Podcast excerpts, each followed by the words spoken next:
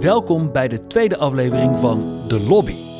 De Lobby is een samenwerking tussen afdeling Buitengewone Zaken, Exodus, Young in Prison en Stichting Zwerfjongeren Nederland. Met dit team willen we graag een zogeheten tussenruimte creëren waar jongeren terecht kunnen in de overgang van binnen naar buiten.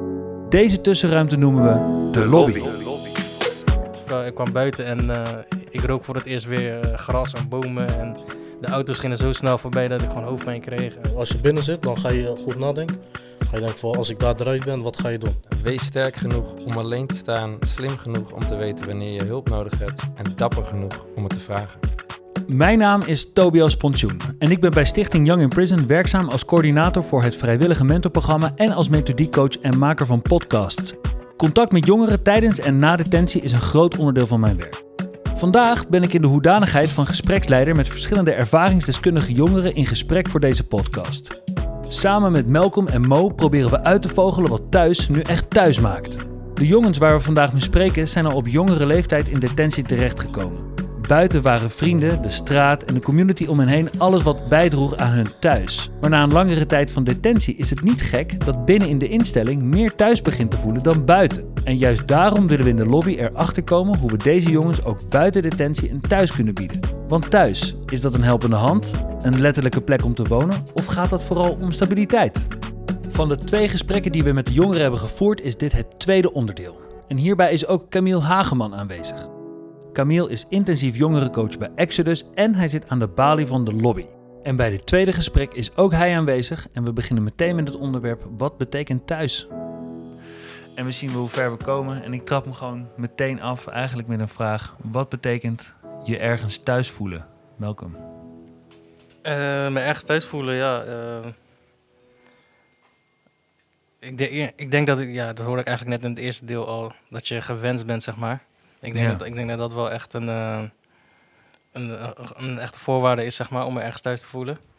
Ja. Maar ik had het toevallig net in de pauze ook over met iemand. Dat ik bijvoorbeeld eh, Amsterdam Zuidoost, dat ik me daar heel erg thuis voel, terwijl ik daar zeg maar helemaal niet vandaan kom. Hm. En ja, ik denk dat het te maken heeft dat daar gewoon heel veel mensen eh, vandaan komen die, waarmee ik mij kan identificeren. Ja? Dus zeg maar die, ja, die eh, niet alleen qua uiterlijk, maar ook gewoon in gedrag gewoon heel, veel- heel erg op mij lijken. Ja. Waardoor ik mij eh, ja, gewoon wat sneller thuis voel. Ja. Dus, dat ik niet het gevoel heb dat, eh, dat, dat ik raar word aangekeken of dat er überhaupt naar mij gekeken wordt, zeg maar. Ja. Dus allemaal verschillende... Dus er zijn wel, wel, wel een aantal verschillende factoren die eh, daarin meespelen, zeg maar. Ja. Ja, grappig. Dus je komt er niet vandaan, maar als je er bent, is het gewoon my people. Ja, ja, ja zeker. ja. Ja, lekker, ja, precies. Ja, wat goed, wat mooi. Camille, wat betekent het voor jou? Oeh, voor mij. Ehm, ik had niet verwacht dat ik deze vraag ook zou Ja, ik stel hem gewoon. Eh, voor mij thuis voelen, ja, inderdaad. Ik, dit is natuurlijk heel veel gezegd. Ehm, je gewenst voelen, eh, je op je gemak voelen en jezelf kunnen zijn. Dat was net ook een eh, hè, vervolgvraag van je. Voor mij is het echt, als ik echt mezelf kan zijn, betekent dat ik, eh, dat ik me thuis voel. Ja. Ja. Dope. Thanks. Mhm. En Mo? Ja, thuis voelen, dat is eh, even kijken, dat je gewoon op je gemak voelt. Maar dat je ook eh, jezelf thuis voelt erbij. Ja. En ook eh, mensen jou begrijpen en ook daar hoor, daarbij hoort. Ja. Dat is voor mij, eh, ja, Zodat mensen je begrijpen. mensen begrijpen ook. Ja, Dat je eigenlijk geen moeite hoeft te doen om Ja. jezelf uit te leggen. klopt. Vet. Ja. Dankjewel, man. Is thuis voelen, kan dat, kan dat ook ergens anders? Ja, zeker. Zeker. Er er zijn meerdere huizen waar ik me echt thuis voel, zeg maar. Bijvoorbeeld bij mijn grootouders thuis voel ik me echt thuis. Ja. Bij mijn moeder thuis voel ik me echt thuis. Eh, bij mijn vriendin thuis voel ik me ook gewoon thuis. Weet je, eigenlijk, eigenlijk bijna iedereen in de familie, weet je, voel ik me gewoon echt thuis. ja. En zijn dat ook dingen aan de locatie zelf waardoor dat zo komt? Of zijn het omdat het de mensen zijn? Eh, ik denk allebei wel een beetje. Eh, mijn familie woont wel toevallig allemaal een beetje in dezelfde buurt. En ja, ik, ik ben gewoon een beetje zo opgegroeid van dat elke huis van familie van mijn tantes, van mijn ooms, dat elk huis ook mijn huis is. Dus weet je, ik voel me ook gewoon zo thuis, zeg maar. Ik kan gewoon overal naar binnen lopen en de koelkast openmaken zonder dat er eh, raar naar me wordt gekeken of zo. Ja. Dus eh, ja, zo ben ik gewoon opgevoed en dat eh, is er wel gewoon in blijven zitten. Dus ik denk dat ik daarom op meerdere plekken echt jou- thuis kan voelen. Is, is- ben jij zelf ook zo qua mensen thuis laten voelen? Als ik Eh, binnenkom, trek de koelkast open. Ja, ja, ligt eraan, ligt eraan wie natuurlijk. Weet je, ik, ik, ik kan dat niet zomaar bij iedereen, eh, iedereen doen. Maar eh, ja, ik ben, ik ben wel als persoon iemand die, eh, die je graag thuis zou laten voelen, zeg maar. Ja. Ja, zeker. ja, maar dat is een onderdeel van eigenlijk je thuis voelen op een plek voor jou is dus ook dat mensen eigenlijk doen alsof je er al woont. Ja, ja, ja, precies. Hè? Dus Maar ik- de ik denk- dingen die je thuis ook zou doen als je dat ergens anders doet, dat is voor jou wel een Ja, ja maar ik, ik hoorde net bijvoorbeeld ook op je gemak voelen, is ook, is ook, eh, hoort er ook bij, zeg maar. En als jij bij mij thuis komt en jij zit er een beetje geforceerd bij, dan Ja. voel ik me ook niet echt op mijn gemak. Nee, Weet je, dus-. Dus dan, dan, dat maakt mijn eigen comfortzone ook een beetje niet meer mijn thuis. Nee, Dus ik, ik, denk dat als jij bij mij op bezoek komt, dat ik eh, jou zoveel mogelijk jou thuis moet laten voelen. Zodat ik ook op mijn gemak, eh, zodat mijn comfortzone wel echt mijn comfortzone blijft, zeg maar. ja, dus bij jou thuis moet je de ander op gemak stellen, zodat je dan jezelf weer op je gemak kan voelen in je eigen huis. ja, eigenlijk wel, ja. Dus het werkt twee kanten op eigenlijk. Ja, ja, Dus zeker. Voor jou, kan jij, heb, heb jij meerdere plekken waar je je thuis voelt? Ja, eh, onder andere de buurt waar ik woon in Beverwaard. Ja? Daar voel ik me gewoon ook thuis. Er zijn ook eh, dezelfde mensen die ook eh, een beetje ook op mij lijken. Ook veel allochtoonse mensen daar wonen. ja. En ja, daar voel ik me ook thuis erbij. En bij mijn moeder thuis ook daar. Is het voor jou belangrijk? Dat ja, het is wel belangrijk voor mij. Ja, ook, maar ook dus dat verschillende culturele achtergronden dat Ook, die aanwezig zijn? ja ook. Dus in bijvoorbeeld, want jij bent zelf niet wit. Nee. Als er een, een, een omgeving heel veel witte mensen zijn, is dat, is het een relaxed gevoel? Mm, ja, is ook wel een relaxed gevoel, maar het is heel anders dan, een beetje. Ja, ik bedoel Maar de ik ben daar niet, relaxed. eh, ik bedoel, is, Ja. het, is, dat, eh, is dat ongemakkelijk? Of, of Niet gelijk ongemakkelijk, dat, dat niet. Maar dan ben je niet eh, gewend eh, dat je op bepaalde plekken daar woont. ja. Niet dat je je daar echt, echt vaak thuis voelt. Niet vaak thuis voel. Eigenlijk eh, de buurt waar ik vandaan kom, daar ben ik eh, opgegroeid. En eh, daar eh, hebben ook mensen die mij opgroeien. Ja. En ja, dan vind je daar wat fijner om te wonen. ja, daar hebben Ja. mensen mij zien opgroeien. Dus mensen kennen je al wat langer. Ik ken je al wat langer daar, ja. Precies, ja. Dus diversiteit eigenlijk Diversiteit. is gewoon fijn om te zijn Ja. op een plek. Ja, mooi, dankjewel. Ehm dus als ik, als ik het zo recap eigenlijk, hè, wat is er voor nodig om je thuis te voelen? Is eigenlijk diversiteit, dat mensen je al wat langer kennen. Dus ik denk dat de tijd hebben genomen om je te kennen, Ja. waarschijnlijk. En ook Comfort. comfort, inderdaad. Dus, dus op, op gemak gesteld worden. Ja, ja. Want, want, want het moet ook geen dagtaak worden voor jezelf. Nee, dat nee, je nee, bezig zeker bent met niet. de ander. nee, zeker niet, zeker niet. Kan jij goed voor jezelf zorgen? Ik vind van wel, ja. Ja. ja, ja. ja. Ja, heb. Je dat, heb, je dat, heb je dat altijd al gehad? Of heb, heb Nee. je dat geleerd? Nee, dat heb ik wel geleerd, ja. Ja. ja. Ik denk eh, de tijd dat ik in eh, detentie, eh, jeugddetentie terecht kwam. Nee, nee. Ik denk in toen ik in volwassen gevangenis terecht kwam, Hm. leerde ik echt meer, meer echt voor mezelf zorgen, zeg maar. Ja. Want in de jeugdinrichting werd nog best wel veel voor je gedaan, zeg maar. Ja. En ja, in, in de volwassen detentie moest, je, moest ik wel echt alles zelf doen gewoon. Ja. Dus ben je echt op jezelf aangewezen. Dan ben je echt op jezelf aangewezen, ja. Ja. Ja, zeker. Eh, Mo, jij hebt ook ervaring Ja. met een PI. Eh, Herken je dat, wat eh, Malcolm zegt? Ja, ja, herken ik. Ja. Alleen eh, de- bij mij was het iets net anders. Eh, moet je ook, eh, wat hij zei, ook eh, voor jezelf meer gaan zorgen Ja. erbij. En, eh, je- maar voor de rest eh, kan je niet veel hulp aan hun eh, gaan vragen. Nee, Dat niet. Dus je bent op jezelf aangewezen. Meer op jezelf ben je. Ja, Vind je dat iedereen voor zichzelf moet zorgen? ja eigenlijk wel. Ja? Ja, eigenlijk wel. Kan je, wa- waarom vind je dat? Eh, kijk, je bent eh, jezelf, dus je maakt bepaalde keuzes van eh, hoe je jezelf verzorgt. Dus een Ja. ander hoeft niet te bepalen van wat jij morgen kleren aan doet bijvoorbeeld. Dus vandaar, Nee, precies. ja. Dus het is belangrijk dat iedereen en voor zichzelf zorgt en zelf zijn keuzes maakt eigenlijk. Eh, hoe, hoe vind jij dat? Vind jij dat iedereen voor zichzelf moet kunnen zorgen? Ja, in, ja, zeker in de hoeverre je dat kan, ja. Niet iedereen kan dat natuurlijk, Nee. weet je. Maar eh, als je gewoon, als je gewoon gezond bent en, en, je, hebt, weet je, en je, kan het, je kan het, als het mogelijk is, dan ja, zeker. Dus de- binnen de grenzen van je eigen kunnen. Ja, ja. Zijn er dingen waar je wel hulp bij, bij mag vragen? Ik denk, dat, ik denk eerlijk gezegd dat je overal wel hulp bij mag vragen. Hmm. Als je iets niet kan, dan, weet je, dan, Ja, an- anders ga je het nooit kunnen, zeg maar. Precies. Tof, hoe zie jij dat? Mag je hulp vragen? Eh, ja, eigenlijk wel. Iets eh, meer. Wel hulpvragen ongeveer. Ja. Ben Ja. je goed in hulp vragen? Mm, nu wel, maar vroeger eh, niet. Nee. Nee, wat, wat is er veranderd? Ja, vroeger praatte ik niet veel. En Hm. eh, ik had een kort lunch ook erbij. Ja. En eh, dat is eigenlijk de reden dat ik eh, niet eh, snel hulp vroeg. Maar nu vraag ik gewoon eh, meer hulp. Oké. ja. Ben ik ook wat eh, duidelijker geworden. Hm. Ja. Heb je een verschil gemerkt in de periode dat je meer hulp bent gaan vragen? Is er toen ook iets veranderd? Ja, er zijn wel bepaalde dingen veranderd. eh, Oké. ja. Heb je een voorbeeld voor mij? Wat misschien... ja, onder andere, ik zat bij de reclassering ook. ja. voor een toezicht. Ja. En toen heb ik aan hun gevraagd van ik wil naar een traject gaan, naar een nieuwe kans. Toen hebben ze mij erbij geholpen en er is een gesprek geweest. En die is ook goed eh, verlopen en ik ben daar terechtgekomen. ja. En in die tijd, eh, Gek, nu, ben ik eh, helemaal veranderd. Want daarvoor deed ik helemaal niks en overdag niks. Nee. Dus van, nou, ik de- deed wel een dagbesteding, maar dat is maar twee dagen. Maar nu heb ik gewoon uitgebreid een week. Ja, precies. Ja. Ja, vandaag zei andere modi, zei ook van... soms gaf ik mezelf gewoon einde dag. Ja. Ja, maar goed, fijn om te horen man. Thanks, heel erg bedankt. Eh, als mensen die je helpen, ik vraag me ook nog een keer aan jou, man. Moeten die ook aardig zijn? ja, die moeten wel aardig zijn. Dat is wel belangrijk. Oké, Ja. waarom is dat belangrijk? Anders heb je geen goede indruk. eh luister niet achter. Nee, Ja.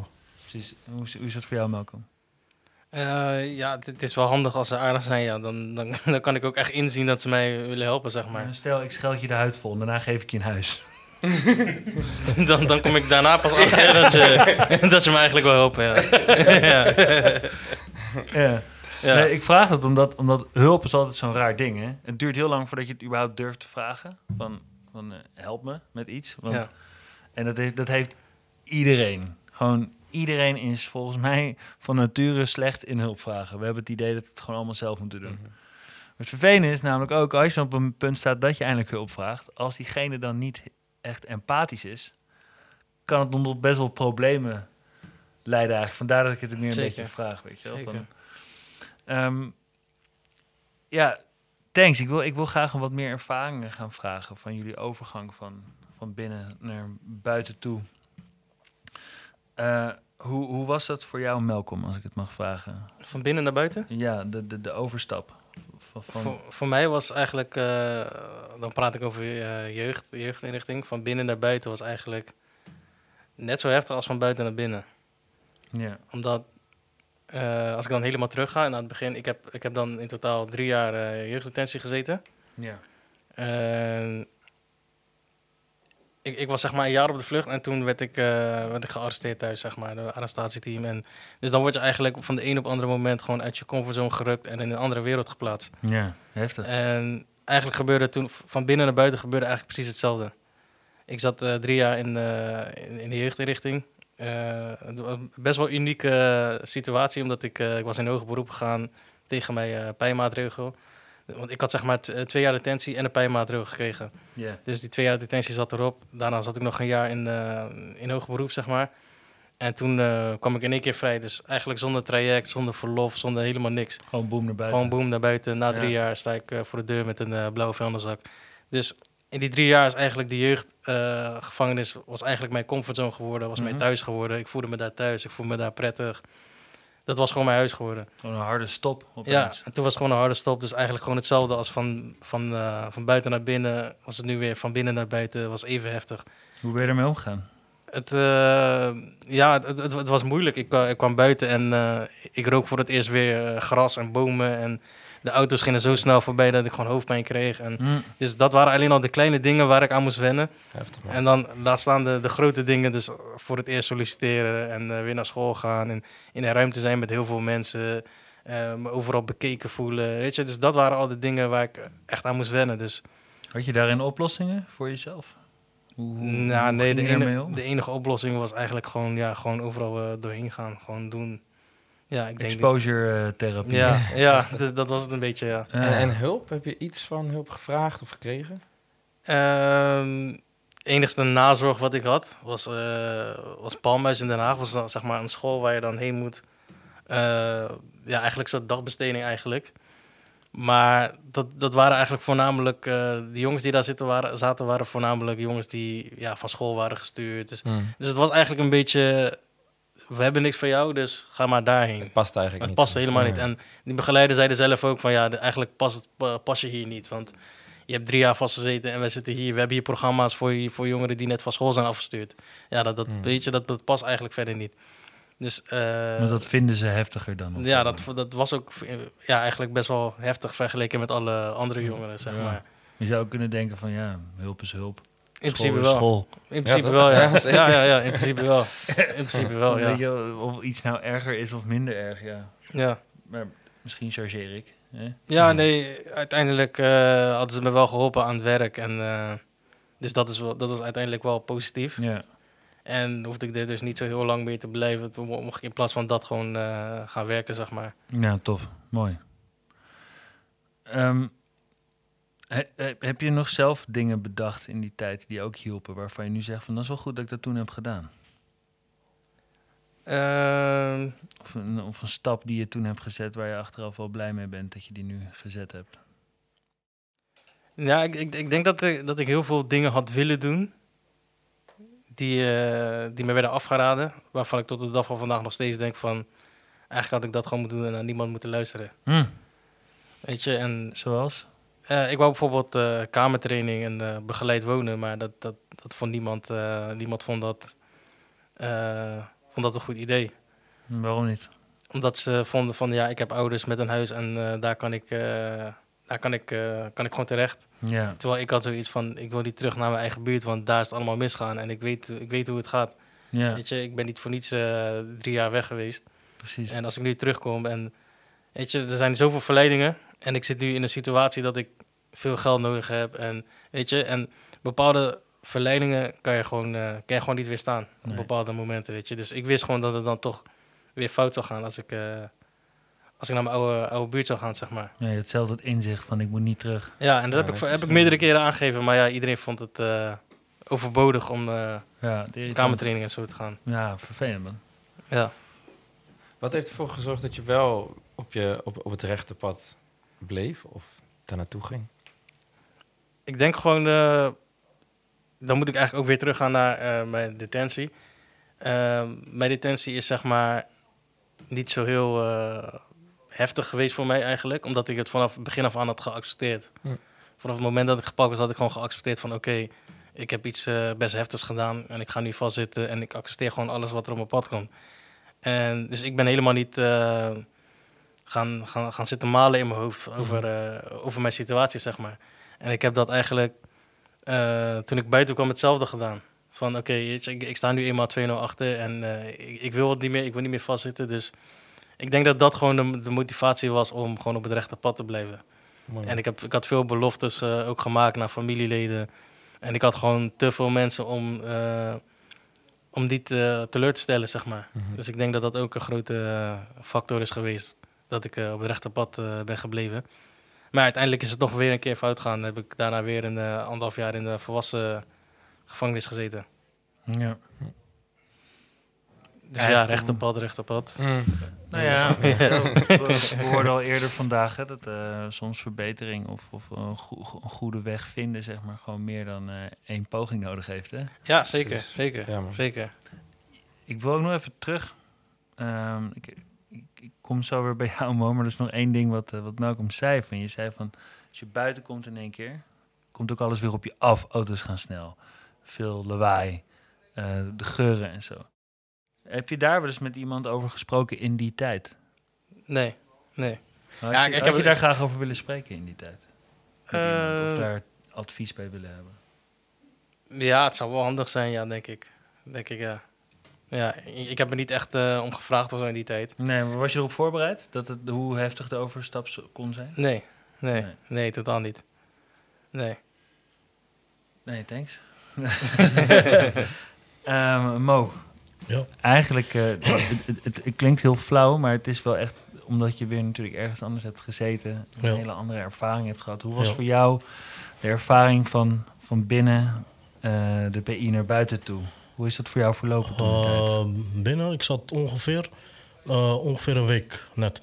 Ja. heb ik eh, gezeten voor, eh, even kijken, vechtpartij en vernieling erbij. Oké. Dus dat was maar een week. En toen ik naar binnen, binnen ging, was het heel anders. Ja. Toen zag ik wel mensen helemaal wild en een beetje agressief gaan gedragen ook. Ja. En ik zag ook mensen pro- probeerden mij een beetje uit te dagen ook. Maar ik heb dat gelukkig genegeerd. Ja. Een eh, week volgehouden om eh, daar te zitten. Ja. En toen, eh, daarna ben ik eruit gegaan. Maar het voelde ook heel anders to- toen ik naar buiten ging. Hm. Want ik zag een week gewoon dat ik helemaal binnen zat. En dat ik gewoon andere dingen zag. Wat mensen deden, incidenten gebeurden daar. En toen ik naar buiten kwam, was in één keer... Ik weet niet, de deur ging open, maar toen zag ik gewoon anders. Had ik last van mijn ogen gewoon erbij. Over de licht van buiten. Ja. Weet je, ja. Dat ook. ja. En was er, was er, waar, waar bracht je veel tijd door nadat je buiten kwam? Eh, ik bracht, toen zat ik bij eh Leger de Zels. Toen eh, ging ik daar, verbleef ik daar. Toen had ik nog niks helemaal. En hun hebben voor mij geholpen. Naar een werkplek was het bij een fietsenmaker. Heb ik een jaar gewerkt. Hm. En toen was ik, vrij snel was ik begonnen met werk. Ja, Ja. precies. Was Dan, dat, was, daarvoor. Vond je dat fijn? Ja, dat was wel fijn. Ja. Ja. Wat was, en die periode, zeg maar, want je hebt een week gezeten in totaal Ja. in een PI. Was dat, eh, je, je vertelde dat er een grote verandering in zat van voor en daarna. ja. Wat- Daarvoor deed ik niks. Ging ik eh, met verkeerde vrienden om. Deed ik ook eh, andere dingen waar ik gelukkig nog niet gepakt ben. Ja. En daar hou, hou, houd ik mee bezig. En vervolgens kwam ik in een ruzie terecht met andere mensen erbij die ik niet ken. Ja. En eh, is dat gebeurd. En ik moest me eigenlijk zelf gaan melden bij eh, de gevangenis. Heb ik eh, niet gedaan. Toen ben ik zwart gereden via Beurs Rotterdam, de metrostation. En toen ging ik zwart rijden. Toen, toen kwam de politie daar en die hebben mij staande gehouden. Die wilden mij een bekeuring geven. Maar die ga, even kijken, gingen mij legitimeren. En toen zagen ze van je moet een week in Al van de Rijn zitten. Ja, precies. Oké, ja. En daarna had je drive om dingen anders te doen. Anders te doen. Ja. Ja. Kan, kan je dat gevoel uitleggen? Van waar kwam dat gevoel vandaan? Oh, Was het de je- ervaring? de ervaring. Als je binnen zit, dan ga je goed nadenken. Ga je denken van, als ik daar eruit ben, wat ga je doen? Eh, ga je met die eh, mensen om, die verkeerde mensen om, eh, waar je mee bezig was? Of ga je gewoon je leven veranderen nu en naar je toekomst gaan werken? Ja. Dat heb ik gedaan. Heb ik, de laatste heb ik gekozen. ja. Ja.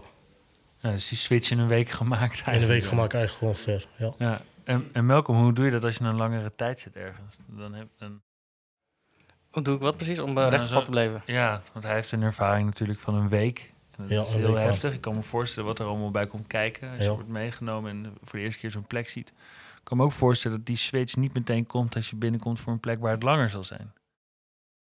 Hoe- eh, klopt dat? Is dat pas iets wat richting het einde komt van zo'n detentie? Die switch bedoel je? in je Ja. Ja, dat, dat, ik denk dat dat per persoon wel verschilt. Maar ehm, ja, kijk, het is moeilijk. In het begin, eh, toen ik binnenkwam, ik, ik, ik had mijn straf wel gewoon geaccepteerd. En ik wist dat ik, eh, weet je, ik, dat ik er niet voor, eh, voor een paar weken zou zitten. Weet je. Ik wist dat het wel lang zou gaan duren. Maar op dat moment was ik helemaal... Dus ik was helemaal... Ik was bewust niet bezig met, met vrijkomen, zeg maar. Nee. En die switch en zo. Want ik weet dat dat gaat nog wel even duren. En weet je, zoals hij zegt, er zijn eh, jongeren die, die je gaan willen testen. En weet je, dus er zijn met, je bent met heel veel andere dingen bezig dan met eh, ik ga mijn leven verbeteren en zo. Dat komt wel pas wanneer je een beetje zicht hebt op wanneer je buiten gaat komen. Ja. Maar ik, ja, ik had wel in mijn hoofd van als ik ooit vrijkom, ga ik geen eh, domme dingen weer doen waardoor ik weer vast kom te zitten. Weet je, dat was wel, was wel gewoon duidelijk. Maar Ja. over het algemeen was ik in het begin wel met hele andere dingen in mijn hoofd, zeg maar. Ja. De rechtszaak bijvoorbeeld. Weet je, want die, die drie jaar was wel een soort van voorarrest ook nog, weet je. Dus ik, ik had nooit eh, duidelijkheid over wanneer ik vrij zou komen. Nee. Want in mijn hoofd, in mijn hoofd zou ik nog, zeg maar, eh, gewoon die pijn krijgen eigenlijk. Dus na die twee jaar zou pas die pijn ingaan. Dus dan zou ik nog twee jaar eh, minimaal moeten zitten voordat ik überhaupt eh, op verlof mocht of wat dan ook. En dan kunnen ze het nog twee keer met twee jaar verlengen. Dus dat zou, eh, dat zou in totaal eh, zeven jaar ongeveer zijn.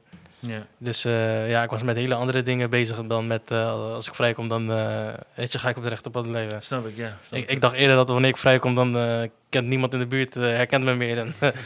dus eh, ja, op de rechte pad blijven zou wel lukken, denk ik. Mm. Ja. Nee, Ja. Mooi. We komen bijna bij het einde. Ehm, ik wil allereerst hartstikke bedanken voor, uh, voor de verhalen en, en Graag gedaan. en jullie ervaringen. Graag gedaan. Ik heb het net helemaal overgeslagen in het begin, maar ik wil het dus nu heel erg, heel erg graag mee afsluiten. um, op tafel liggen wat kaarten. Uh, maar of ik ook cool als jij kijkt wat er tussen zit. Een aantal zijn Engelstalig, een aantal zijn Nederlandstalig. Kijk er eens tussen en kies er eentje uit die je, die je aanspreekt. Waarvan je denkt, dat vind ik wel een mooie kaart. Die tekst snap ik wel. Right, Mo, je hebt gekozen voor welke kaart? Uh, ik weet precies wat ik doe, weet precies waar ik loop, maar nog niet waar naartoe. Mooi, die is van Lijpen. Ja. Waarom heb je die gekozen? Uh, dat zou ik niet weten, maar ik vond het wel mooi uh, ja, gezegd. Dan sprak je gewoon aan. Nou, te gek. Camille, welke heb jij gekozen? Uh, wees sterk genoeg om alleen te staan, slim genoeg om te weten wanneer je hulp nodig hebt en dapper genoeg om het te vragen. Volgens mij sluit hij heel mooi aan op wat we op het begin be, uh, bespraken. Een beetje over, over hulp vragen. Ja. En wat, wat Mo ook noemde van dat het heel goed is om zelfstandig te zijn. Maar op de juiste momenten hulp vragen is denk ik heel mooi. En dat is denk ik heel sterk. En deze quote geeft dat heel mooi weer. Ja, ja. gek. Welke, welke heb jij gekozen, welke kaart? Uh, ik had gekozen uh, rem Remember that not getting what you want is sometimes a wonderful stroke of luck. Van Dr. Dre. Ja, en ik denk dat dat een beetje uh, hetzelfde is wat, met wat ik vaak zeg. En dat is be careful what you wish for. Ehm, ik heb in mijn leven een aantal slechte dingen gedaan. Maar ik heb ook heel, wat, heel veel slechte dingen niet gedaan. Die ik wel in mijn hoofd had, zeg maar. Ja. En ja, uh, soms is het gewoon. Soms moet ik gewoon blij zijn dat, dat bepaalde dingen niet. Uh, die, bepaalde dingen niet heb gedaan die ik heel graag had willen doen. Ja. Weet je, en uh, ja, eigenlijk gewoon, zoals ik vaak zeg, be careful what you wish for. Weet je, ik wou vroeger gewoon. ik zat met heel veel frustratie en soms, soms wou ik gewoon een crimineel zijn. En ja, daar heb ik wel. weet je, de, de, de vruchten van geproefd. Zeker. Dus ik heb wel, wel gewoon drie jaar voor ja, vier jaar eigenlijk, vier en een half jaar voor moeten boeten, zeg maar. Ja. Dus uh, ja, dat, dat, dat, is eigenlijk wat ik, wat ik toen, weet je, wat, wat ik wou. Ja, nou heb ik het gekregen ook. Dus dan moet je ook niet, moet je ook niet klagen. Ik vind het ook een hele mooie zin. Ja, man. Um, jongens, heel erg bedankt. Eigenlijk het allerlaatste. ik heb hier nog wat lege kaarten, dus zou ik graag wat op willen schrijven met jullie. Um, er zijn een lobby aan de ene kant en de leegte aan de andere kant. Is er iets wat aan deze tafel nu is gezegd of vandaag of wat je hebt gehoord? Wat je... Ja, wat erbij is gebleven, wat hij zei van dat hij drie jaar vast heeft gezeten en dat hij naar buiten kwam. Dat hij uh, geur van bomen ruikte, auto's snel uh, reden. En uh, ja, dat is mij bijgebleven. Ja, gewoon ja. dat het buiten een stuk sneller is. Een stuk sneller is dan dat je binnen zit. Ja, te gek. Ja. Nou, heel erg bedankt jongens.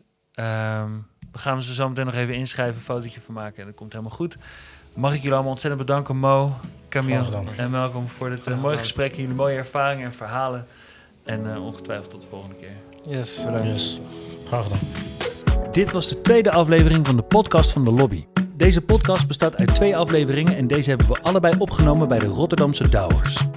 De Rotterdamse Douwers is een initiatief van Stichting Mentorproject en zij zetten zich op meerdere fronten in voor jongeren in Rotterdam. Ze waren zo gastvrij om ons gesprek te faciliteren. Waarvoor dank.